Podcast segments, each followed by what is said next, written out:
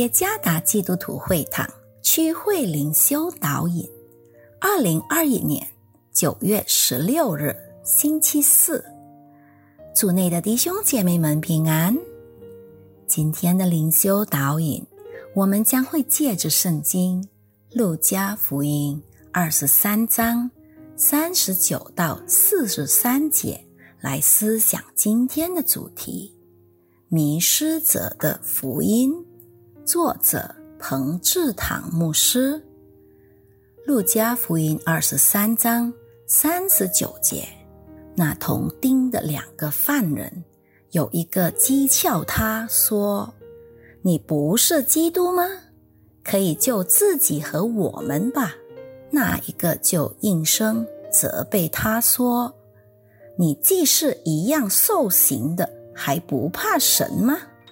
我们是应该的。”因我们所受的与我们所做的相称，但这个人没有做过一件不好的事，就说：“耶稣啊，你德国降临的时候，求你纪念我。”耶稣对他说：“我实在告诉你，今日你要同我在乐园里了。”在西家基督教会。三口羊堂会侍奉期间，我们有探访团队到第四大医院，一所宣教医院，路途大约要花一个小时。我们每周都到那里安慰病人，并向他们传讲福音。当他们受到关怀时，感到很欣慰。我们每次传讲耶稣福音时，病人的反应因人而异，有一些拒绝福音，有一些却半信半疑。尽管如此，也有不少接受福音，至少愿意接受助导。我曾经给过一个无法说话的病患者传福音。当我探访他时，我贴近他的耳朵说话。我先握住他的手，接着问他是否明白我在说什么。如果明白的话，就用力握紧我的手。